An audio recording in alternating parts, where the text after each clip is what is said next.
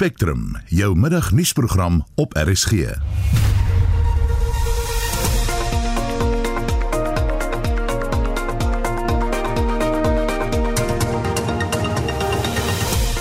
want to talk with Putin. I think I have to talk with Putin. Verskeie stede in Oekraïne lê in pyn en Rusland word van kernterreur beskuldig na 'n aanval op 'n kernaanleg. Dit dui ook vir 'n mens hoe ver Putin bereid is om te gaan om sy doelwitte te bereik. Dit lyk asof daar op die stadium geen beperkings op hom is nie, tensy hy baie sterk militêre teenstand gaan kry. MultiChoice en Sanef reageer intussen op die feit dat daar wêreldwyd geen toegang is tot die Russiese TV-kanaal Russia Today nie. Hulle sê die wêreld se hande is afgekap. The EU has taken a decision as an entity and that decision has to be respected. Maar moet ons dit respekteer? Ons vra 'n kenner hieroor. Die span in die ateljee se redakteur Marlenae Forsie, produksieregisseur is Johan Pieterse en ek is Susan Paxton.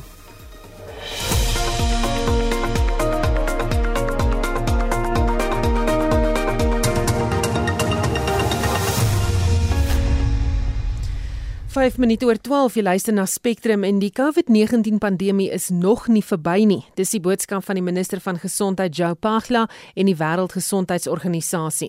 Pagla het vanoggend die media toegespreek terwyl 'n konferensie oor die jongste COVID-19 syfers en statistiek. Is dit 'n klerk het gevolg en sy sluit nou by ons aan met meer besonderhede. Estie Susan Pathla sê die pandemie is steeds besig met 'n stewige wurggreep in die wêreld as ook in ons land.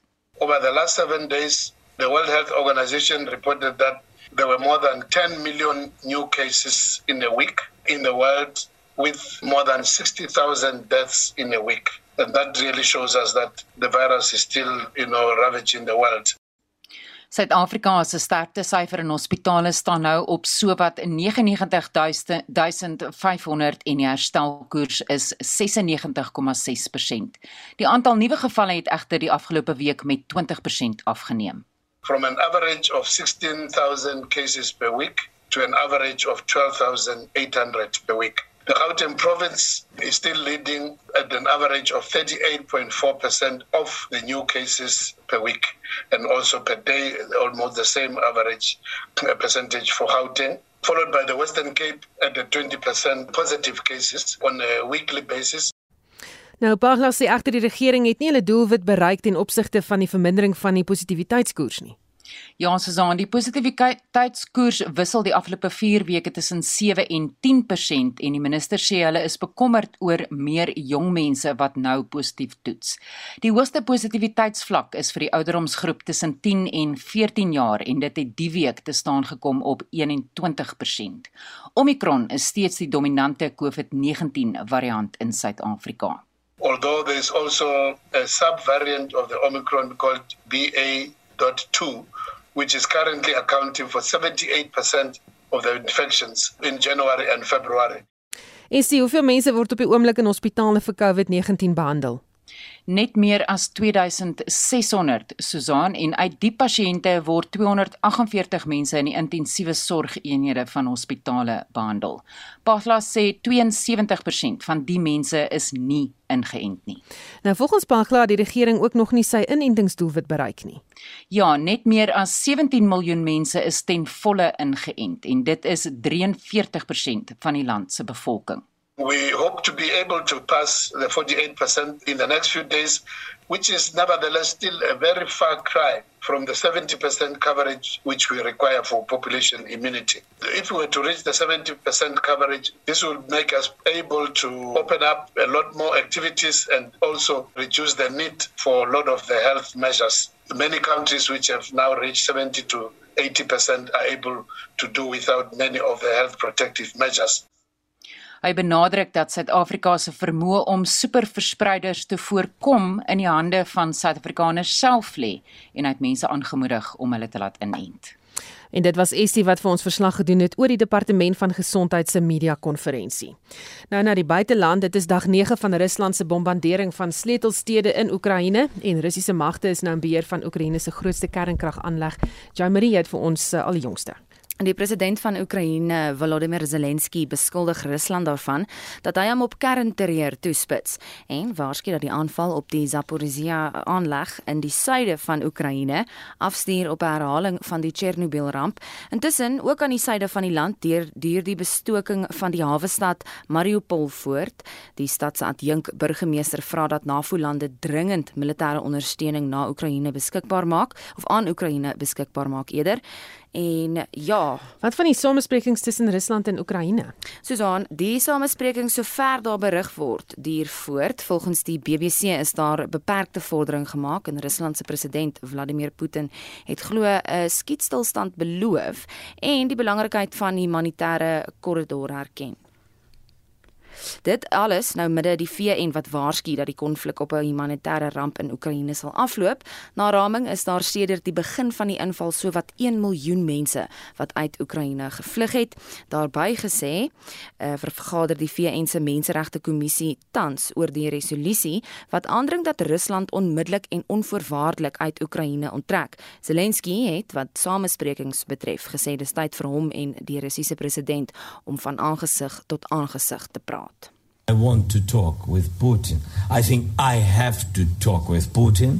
The world has to talk with Putin because there are no another ways to stop this war.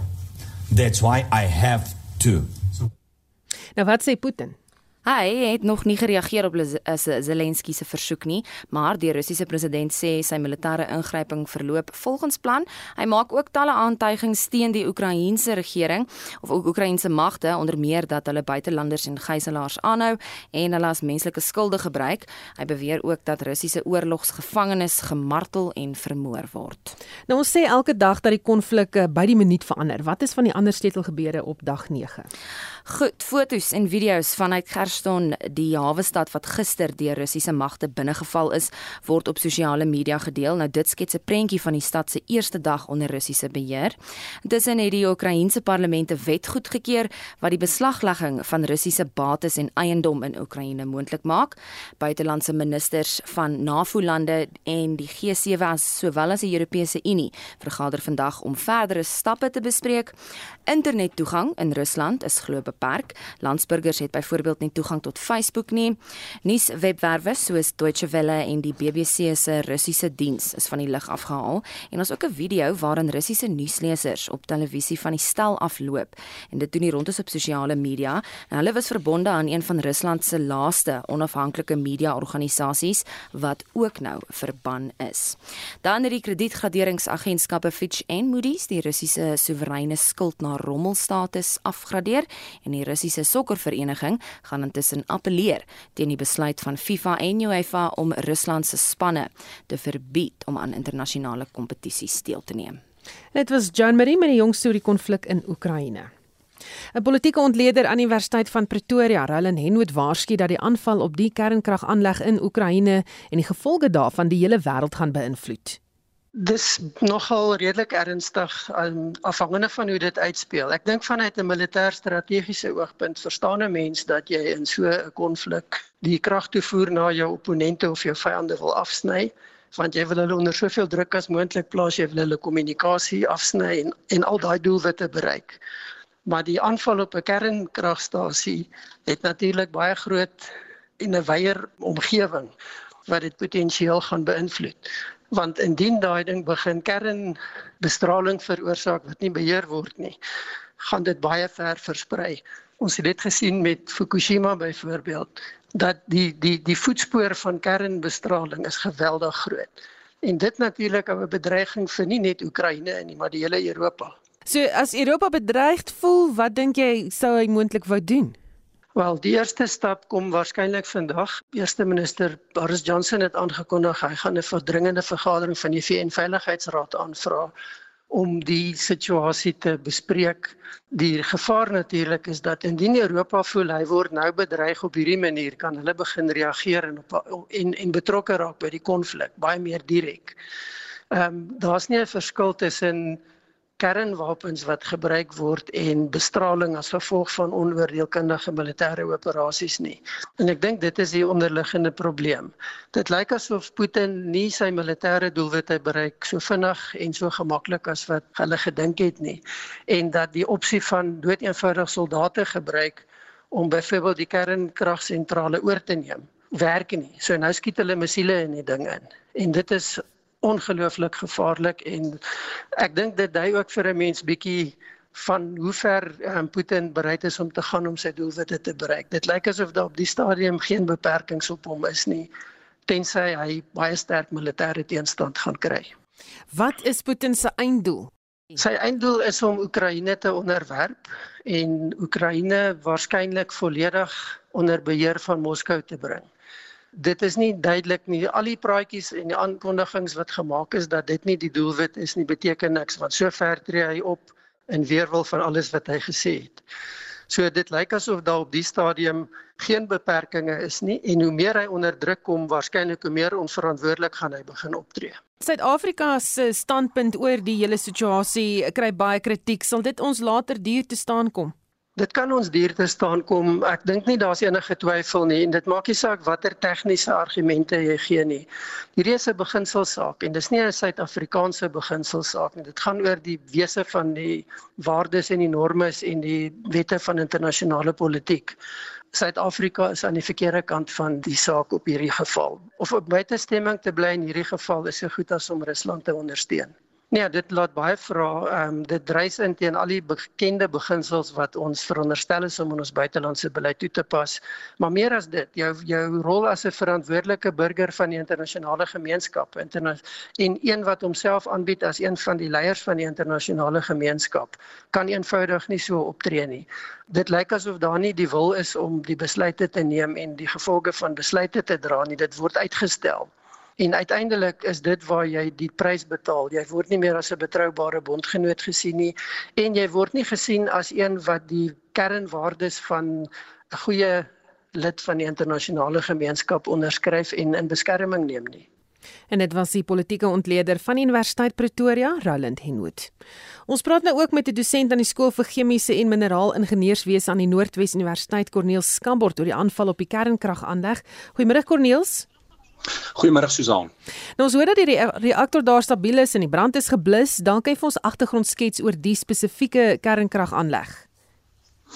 Nou kom ons begin net eers met die stad. Ehm um, die Zaporizhia aanleg is naby die stad Enerhodar en dis in die suidooste van Oekraïne. Nou as jy na die kaart kyk, dis 440 km soos die kragvlieg van Kiev af die hoofstad. So dis dieselfde afstand direk tussen Johannesburg en Kimberley. Nou hierdie is die grootste kernaanleg in Europa en het 'n nominale uitset van 5700 megawatt. Om dit in perspektief te stel, Susan, dit is 3 keer die uitset van die Kuiberg kernaanleg hier in Suid-Afrika. Nou waar waar Kuiberg twee opwekkingseenhede het, het hierdie betrokke aanleg 6 opwekkingseenhede.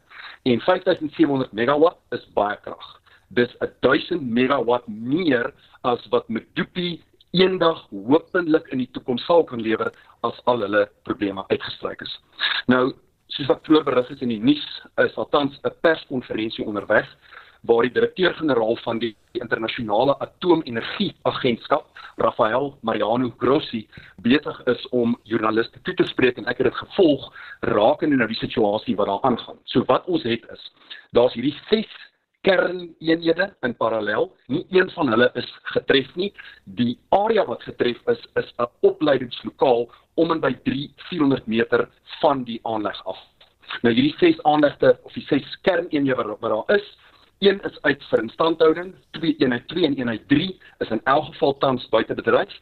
5 en 6 is tans op 'n lae uitset gestel en dan is daar basies net een en dis eenheid 4 wat op 60% bedryf word. Nou die prentjie wat geskets word deur Grossi is effe kommerwekkend.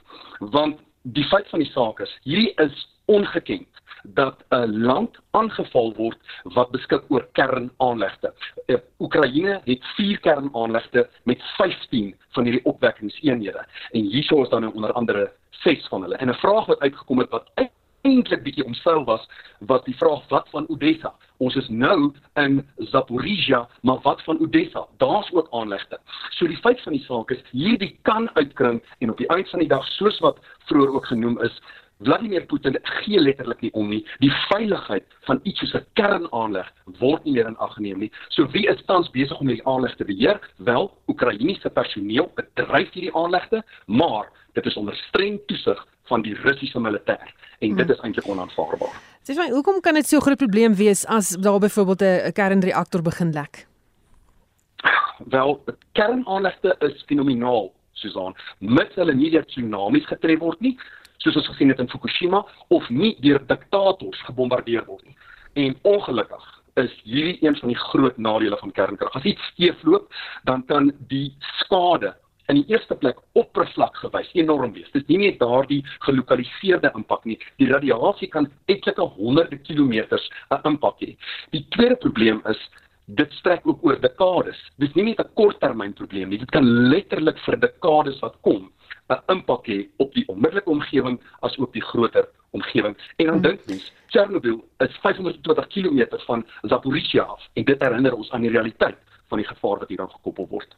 Die debat oor die gebruik van kernkrag vir elektrisiteitsopwekking duur dan nou al, jy weet, al die pad nou nog, uh, jy weet, voort, wat gaan voort, gaan hierdie gebeure daardie debat dalk in 'n ander rigting stuur.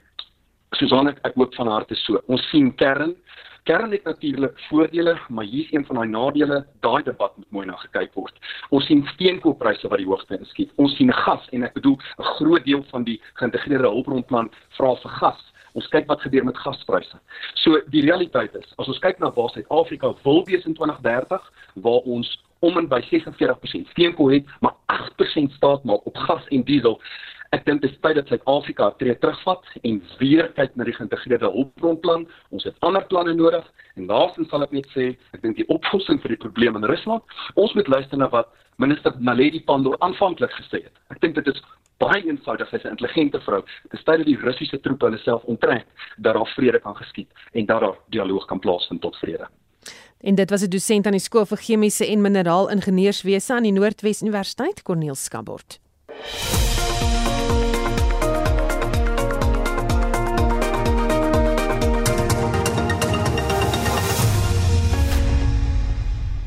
Dit 1222 die Suid-Afrikaanse Nasionale Redakteursforum SANEF is bekommerd oor die onderdrukking van nuuskanale wat oor die konflik in Oekraïne berig.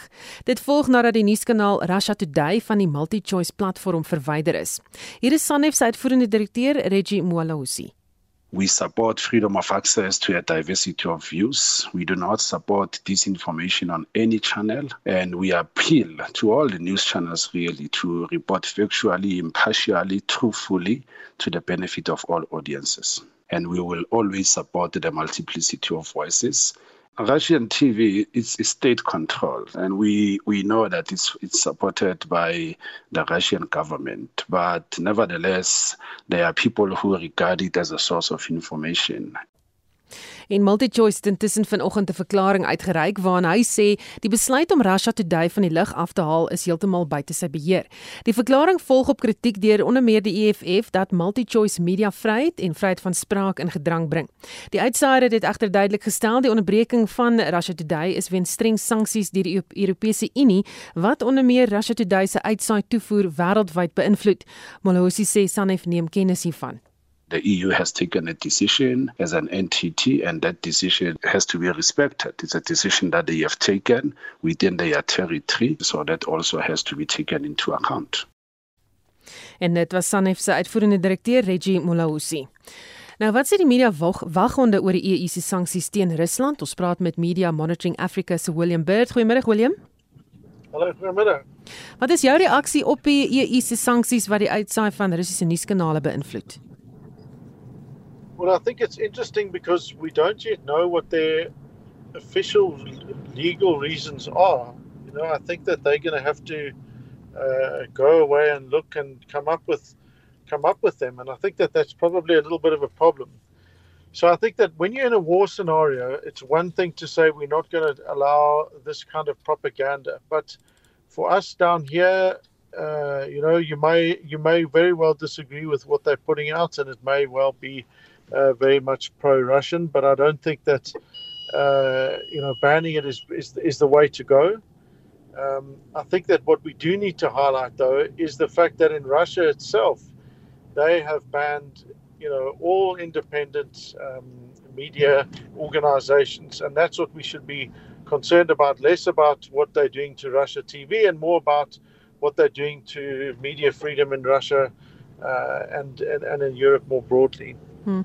Wat is implikasies hiervan vir die res van die wêreld en hoe ons die konflik interpreteer? Well, you know, to be honest, I don't think it's going to have that much influence on it, you know, because if people really want to get uh, the the RT perspective, they can go online and they can and they can find the stories that way. It's no, there's nothing stopping them from doing that. So it's not like uh, you know the, the the entire voice has been shut off or shut down. This is just about saying for for the for the EU certainly and and then indirectly impacting us. It's about saying we don't want to give this entity uh, a platform. They're not banning people from accessing RT. And certainly for us uh, in this part of the world, I think we've got enough uh, different and diverse media, news, voices, and organizations, both free to air and on our public broadcaster, for people to be able to get a good sense of what's going on.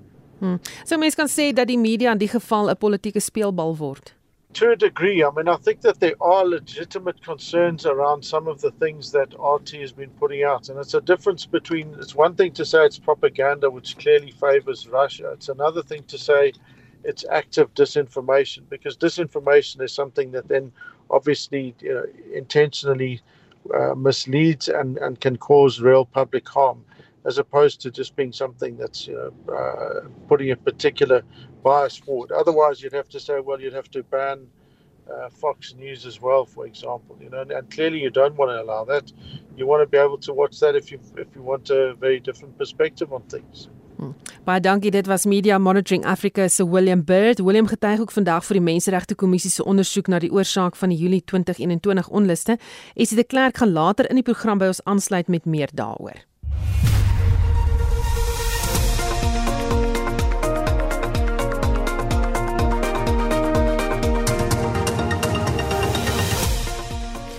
Later in die program hou ons jou op hoogte van die jongste by die Menseregte Kommissie se ondersoek na die oorsaak van die Julie 2021 onluste. Inwoners van die dorpe Aberdeen, New Bethesda en Klipplaat word gevra om hulle drinkwater te kook voor hulle dit gebruik en op Wêreld Vetsigdag waarsku die Wêreldgesondheidsorganisasie dat 340 miljoen kinders in die wêreld oorgewig is. Bly ingeskakel.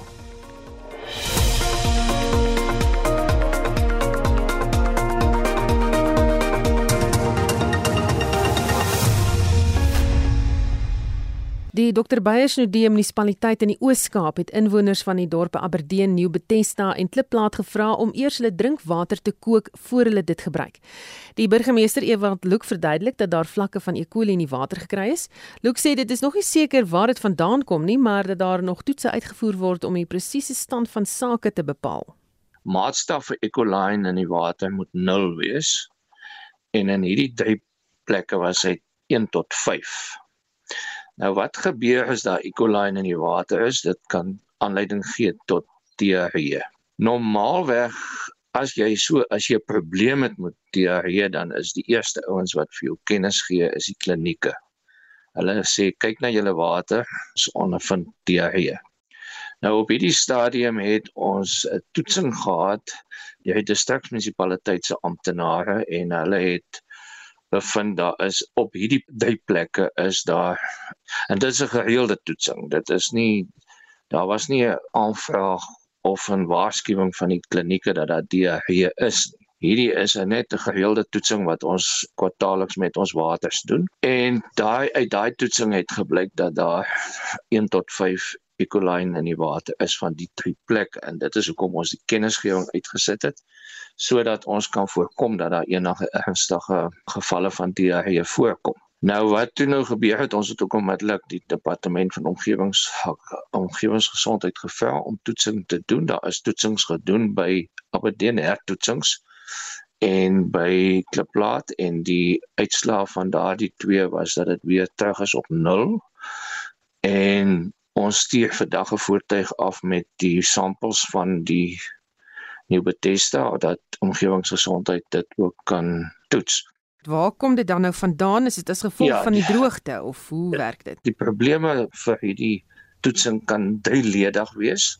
Kom daar hoe E. coli in die toets sampel is. Die een is met die aan en afsit van water. Kyk, ons het 'n geweldige droë droë tydperk en tot op hede is hierdie suidoostelike deel of kom ek sê die suidoostelike deel van die Wes-Kaap, die suidelike deel van die Karoo dele en selfs tot in Port Elizabeth het ons baie baie ons damme is leeg ons damme grafinet is leeg die dam hier by Oudtshoorn Stompdrif dam is leeg die Kouga dam het net 17% water. So ons het 'n streek hier wat nog steeds probleme het met water en droogte. En as gevolg daarvan het ons waterbeperkings. Ons ons in omtrent in elke dorp behalwe Riebron sny ons die water vir tydperke af. En dit maak dat jou dat daar jou roes in die, in jou pype kom los. En jou roes wat in die pype lê of die yster wat in die pype lê, het weer 'n invloed op die hoeveelheid kloor wat jy in die water het. Dit is een van die redes hoekom dit van tyd tot tyd die kloor neutraliseer dat die kloor nie sy werk doen nie. Die tweede rede kan wees dat jou kloor die dosering te laag is op sekere plekke. Dit kan wees. Die derde rede is dat die, die mense wat die samples vat raak aan die kraan en dit kan ook waar die water uitkom. Dit kan ook dat dit dat die sampel wat geneem is het in aanraking kom met die hande van die ou wat die sampel neem. So dit is ja. drie verskillende redes, ja. En dit was die burgemeester van die Dr. Beyenudee munisipaliteit Ewald Luk. Die plaaslike regeringsvereniging Salga het vandag die afgelope week se konferensie afgesluit met die aanstel van nuwe leiers.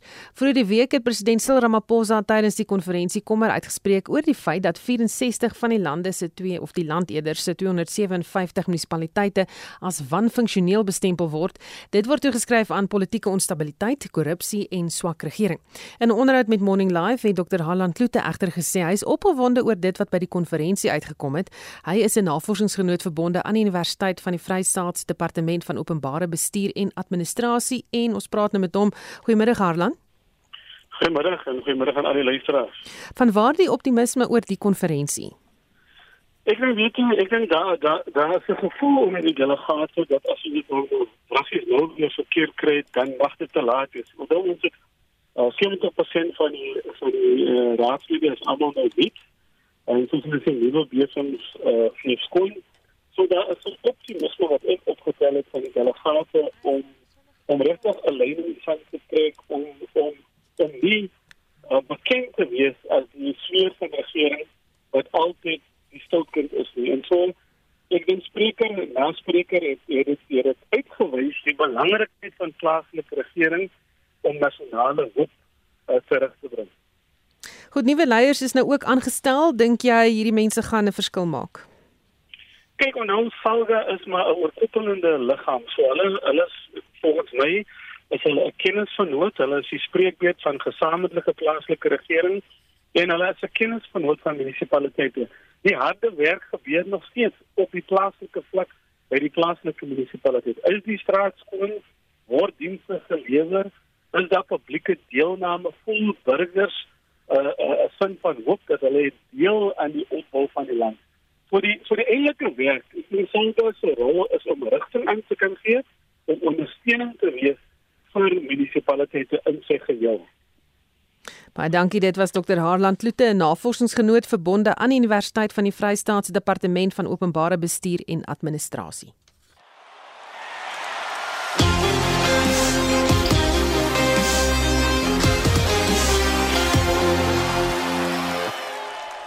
Die vroue eendag krieket wêreldbeker toernooi het vandag in Nieu-Seeland begin met Wes-Indië wat die tuisspan met 3 lopies geklop het. Suid-Afrika open môre sy rekening met 'n kragmeting teen Bangladesh en volgens ons medewerker en krieketkommentator Udo Karlse staan die Proteas vanjaar 'n goeie kans om die beker huis toe te bring. Udo, hoekom dink jy so? Wel, Susan, ons vroue span het in New Zealand geland as die tweede beste span in die wêreld op die jongste ranglys. Ons sit net agter Australië op daai ranglys. Maar kom ons kyk na die vorm tans. Hulle is in kookwatervorm. Ons het die Wes-Indiese eilande geklop hier en oor see. Ons het in die laaste jare ook afgereken met Pakistan en 'n baie sterk Indië span. Albei die reeks is op tuisbodem gespeel en gewen.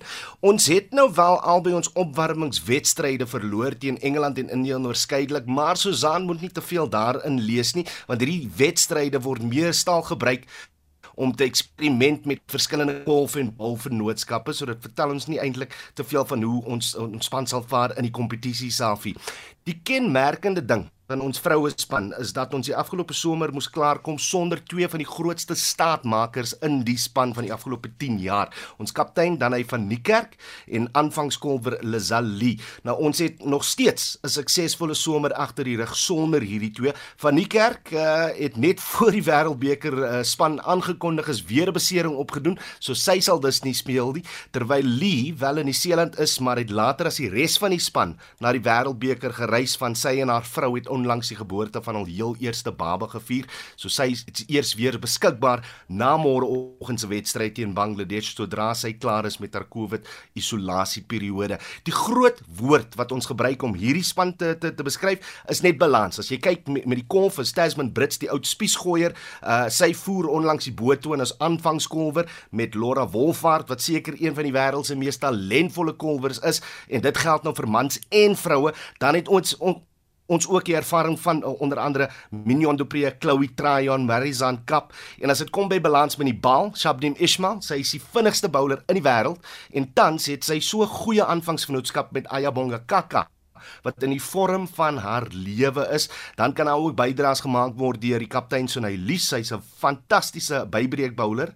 Uh Marizan Kap, ons mees bestendige veelsidige speler en Chloe Tryon deesdae kan ook bydra met die bal uh, want sy het uh, so 'n jaar terug begin um linkerhands uh, is dit 'n uh, draai bal bowler uh balle te af te stuur en en maak elke wedstryd 'n baie groot bydrae aan die span. So met so 'n gebalanseerde span kan ons dames baie ver gaan in die toernooi Susan.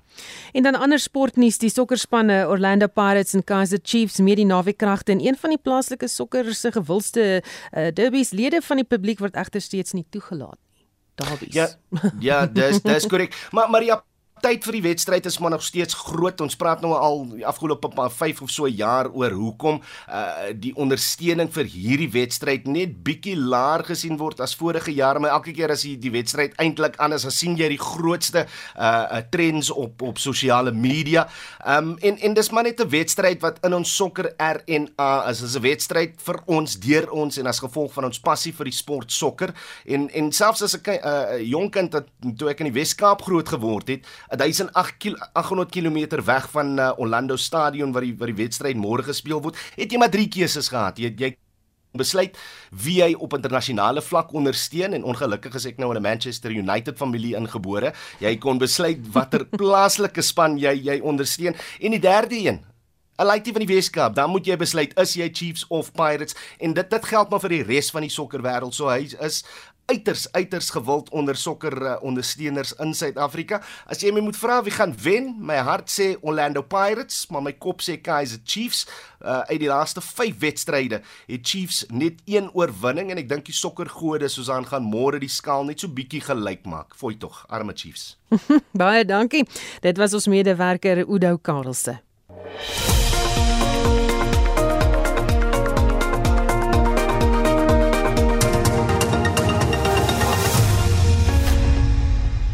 14 minute voor 1 jy luister na Spectrum die direkteur van die Media Waghond Media Monitoring Africa William Bird het vanoggend begin om voor die Menseregte Kommissie te getuig. Die kommissie ondersoek die oorsake na die onrus wat in Julie verlede jaar in KwaZulu-Natal en Gauteng uitgebreek het. Bird het getuig oor waninligting wat op verskeie sosiale media platforms voor en ten tye van die onluste versprei is en watter impak dit kon gehad het. En sê die verrigtinge vir ons dopgehou. Sê het Bird getuig dat waninligting bygedra het tot die onrus wat in die land uitgebreek het. Ja, Susan, hy het 'n voorlegging aan die kommissie voorgehou waarin hy sosiale media boodskappe in verskillende afdelings opgedeel het en hy sê Media Monitoring Africa is bewus dat skadelike inhoud versprei is wat moontlik kom bydra tot die woede en die aanhitsing van geweld. We know this because this has already been highlighted in some instances before this very inquiry. At the time, in fact, in the lead up to it, we had people writing in the media. We saw that various people were speaking to the role that social media had been playing. And there you can see one of the quotes toward you know, income mobilizing people towards anarchy. The Institute for Security Studies, both beforehand and believe before the, the inquiry argued that images and videos of burning infrastructure, fences torn down, generate their own momentum. They've arguably provoked further violence and threats of racialized and militia-like counterattacks. Beide het getuig dat die verspreiding van waninligting dikwels kan lei tot geweld. Ja, hy het getuig die bedreiging was 'n werklikheid omdat dit die kantore van die president en die polisie bereik het. Our President uh, Ramaphosa, uh, he said on at least two occasions, I've just included the one quote, we should refrain from posting and circulating inflammatory messages on social media and from spreading rumors or false reports. So when it reaches the office of the President, we know that it's not just something that NGOs and a, and a few uh, social media people are concerned about. Hy het ook gepraat oor 'n aantal sosiale media boodskappe wat versprei is oor vals protesoptogte. So there was this idea that at the time of creating this sense that there's something bigger going on, even what was already outside of what actually was going on. So we know that the unrest and the violence and the deaths were all tragically far too real, but there were all of these other things going on to help stoke and promote and, and encourage and incite that. Nou baie dit getuig oor 'n spesifieke tweet wat tot aanhitsing van geweld kon spreek. Hy sê daar's baie spesifiek uh, spesifieke kriteria wat aanhitsing van geweld um, moet bewys en die tweet het nie spesifieke datum en tydstempels vir die aangeduide geweld gehad nie, maar dit was 'n baie verdoemende tweet.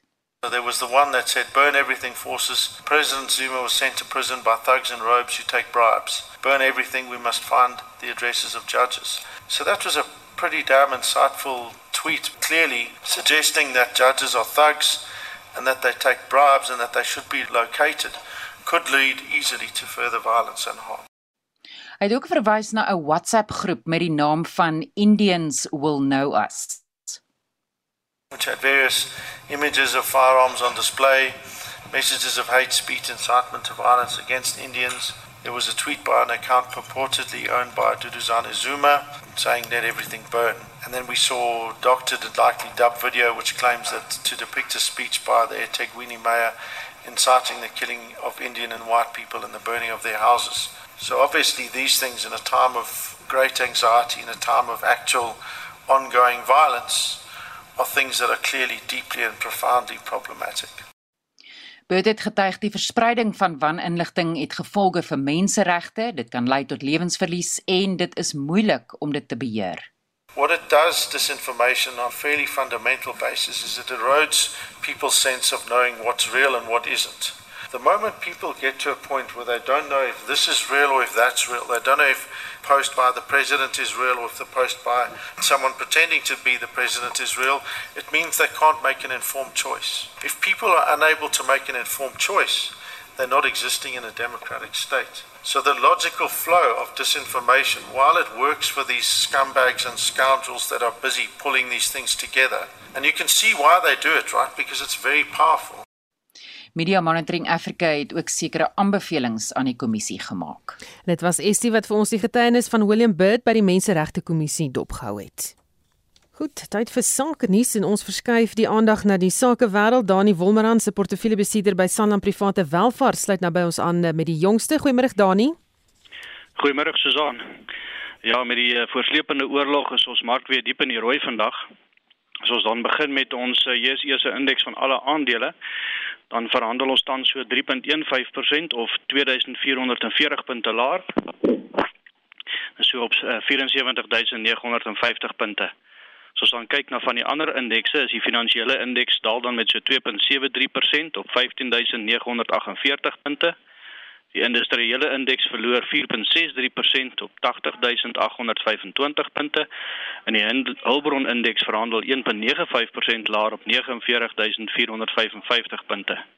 As ons begin na die wenners kyk vandag, Goldfields is so 2.3% hoër en Kumba 4% hoër vandag. Aan die verloorkant verhandel Sasol 2.5% laer. Naspers verloor alle muntige 7.7% en Richmond daal ook met 5.8%.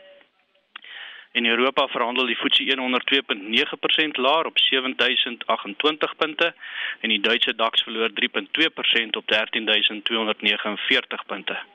Teen die vernaamste geldeenhede verhandel die rand tans teen R15.33 teen die Amerikaanse dollar, R16.87 teenoor die euro en R20.41 teen die Britse pond. Die kommoditeitsfront verhandel goud teen 1944 dollar per fyn ons, platinum teen 1085 dollar per fyn ons en Brent ruolie teen 112 dollar 20 sent per vat daarmee terug na jou Susan. Baie dankie, dit was Dani Wolmerand se portefeuljebestuurder by Sanlam Private Welvaart. Vandag is wêreld vetsigdag. Die Wêreldgesondheidsorganisasie se vetsigverslag wat in April 2020 bekend gemaak is, toon dat 340 miljoen kinders in die wêreld oorgewig is. Die Hart en Beroerte Stichting van Suid-Afrika sê vetsig onder die mensdom raak 'n al groter probleem en ons praat nou met 'n verteenwoordiger van die Hart en Beroerte Stichting, Butch Kap. Goeiemôre Butch. Goeiemiddag Susan, hoe gaan dit? Met my gaan dit goed, maar as ons praat van vetsig, wat is die definisie van vetsig? OK. Vetsig is die abnormale akkumulasie op die ophoop van vet in die liggaam, veral om die maag wat na, nadelige neeweffekte op die gesondheid van 'n persoon of grootens of kan kan hê. Mense wat uh lewe met vetsig, het die risiko van hartvaskiektes, sekere kankers, tipe 2 suikersiekte en asemhalingsprobleem. En ook vetsig word ook geassosieer met egte simptome van die COVID-19. En sê um, van die Ja, skus. Ehm um, wat is die wêreldwye en plaaslike statistiek wanneer dit kom by vetsig? OK. Volgens die Wêreldgesondheidsorganisasie statistieke van April 2020 is die globale voorkoms van oorgewig 1.9 miljoen mense waarvan 800 miljoen sorry 1.9 biljoen mense waarvan 800 mense miljoen mense met sig uh, vetsig gediagnoseer word in Suid-Afrika word beraam dat 31% mans 68% vrouens en 13.5 kinders of oorgewig of vetsigtig is Hmm. En net hoe groot is die kommer oor kinders hier in Suid-Afrika byvoorbeeld wat oorgewig is? Um dis 'n groot uh, 'n ernstige bekommernis en dit is 'n groeiende uh, probleem met die met 'n kombinasie van vetsig en oorgewig voorkoms van 13.5% in die ouderdomsgroep van 6 tot 14. Ek het ook ver oggend 'n praatjie gehoor waar kinders onder 5 daar's al klaar ook 'n 13% vermeerdering daar. En die kosomgewing in skole speel 'n belangrike rol in die verkryging van suikers drankies. Die inname van suiker ehm um, jy weet dis vloeibare suiker word vinnig in die uh, bloedstroom opgeneem. Net een suikerdrankie per dag bevorder die kind se kans om oorgewig te word by 55%. Vetsig is nog altyd geassosieer met 'n ongesonde leefstyl en fisiese onaktiwiteit. Is dit waar? Nee, dit is nie. Ehm um, baie mense is is nie net van ongesonde lewenstyl of onaktiwiteit nie, maar kan ook geklassifiseer word as 'n mediese toestand. Daar is 'n aantal faktore wat kan lei tot vetsig, soos byvoorbeeld geneties, omgewingsfaktore, ander mediese toestande en selfs medikasie wat mense geen beheer oor het nie. Um ons gene is verantwoordelik tot van 40 na 70% verantwoordelik vir ons wat vetsigtig is. En dan natuurlik ons hoog geprosesseerde uh, kossoorte, ons um, gemorskos soos ek dit noem, ons takeaways help tot 'n vinniger ontwikkeling van van vetsig. En dan daar's simptome van um, psigiatriese probleme wat eintlik ook um it encourages mense om vetsigtig te word. En selfs die medikasie wat hulle vir dit gebruik, hmm. is die mense neig geneig tot um, tot oorgewigheid. Baie dankie. En, dit was 'n teenwoordiger of eerder 'n verteenwoordiger van die Hart en Beroerte Stichting Pitch Campus nou ongelukkig in hierdie geval, maar as alwoor vir ons tyd het vandag.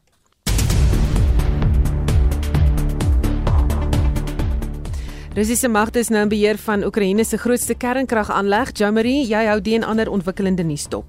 Ja, die politieke ontleder Roland Henwood sê die aanval op die aanleg uh, aan die suide van Oekraïne en die moontlike gevolge daarvan kan die hele wêreld beïnvloed.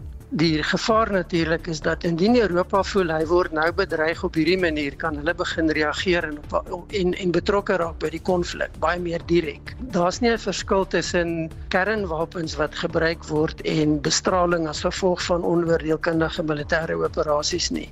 Verder vergader buitelandse ministers van NAVO-lande en die Europese Unie vandag om stappe teen Rusland te bespreek. Op sosiale media doen 'n video waarin 'n Russiese TV-nuusvervaardigingsspan van die stel afloop deur rond is. Hulle was verbonde aan een van Rusland se laaste onafhanklike media-organisasies wat ook nou deur die Russiese regering verban is. Maar intussen het die Suid-Afrikaanse Redakteursforum se Reggie Ngwala gereageer op die Europese Unie se sanksies teen Rusland se nuuskanale. The EU has taken a decision as an entity, and that decision has to be respected. It's a decision that they have taken within their territory, so that also has to be taken into account. Op baie bodem met die minister van gesondheid Dr Joe Pahla tydens 'n media-konferensie bekend gemaak dat sowat 99500 mense al dood is aan COVID-19. Hy sê die pandemie is nog nie verby nie. Over the last seven days, the World Health Organization reported that there were more than 10 million new cases in a week in the world, with more than 60,000 deaths in a week. And that really shows us that the virus is still, you know, ravaging the world. In ander nuus word daar berig dat daar tot dusver nog geen strafregtelike klag teen die voormalige Wes-Kaapse minister van gemeenskapsveiligheid Albert Fritz by die polisie ingedien is nie. Die polisie sê glo hulle wag om van klaers wat Fritz van seksuele wangedrag beskuldig te hoor. En die vroue eendag kriket wêreldtoernooi het vandag in Nieu-Seeland begin en Wes-Indië het die tuisspan met 3 lopies geklop. Suid-Afrika open môre sy rekening in die toernooi met 'n kragmeting teen Bangladesh. Ons wens die vroue Proteas vanjaar alle sterkte toe, bring haar beker huis toe. En dit was Jamie met 'n opsomming van die dag se nuusgebeure. Nou ja, net so voor ons groet, eh, president Cyril Ramaphosa sal op 1 April vanjaar getuig by die Menseregte Kommissie se ondersoek na Julie se onluste in Gauteng en KwaZulu-Natal. Dit is 'n uh, vroeër vandag bekend gemaak. Die oproer het miljarde rand se skade veroorsaak. En uh, onthou vorige uitsendings van Spectrum is beskikbaar op potgooi gaan net na RSG se webblad by www.rsg.co.za. Ons het namens ons uitvoerende regisseur Nicoline de Weer, redakteur is Marlenae Forsie en ons produksieregisseur Johan Pieterse. My naam is Susan Paxton. Geniet jou naweek.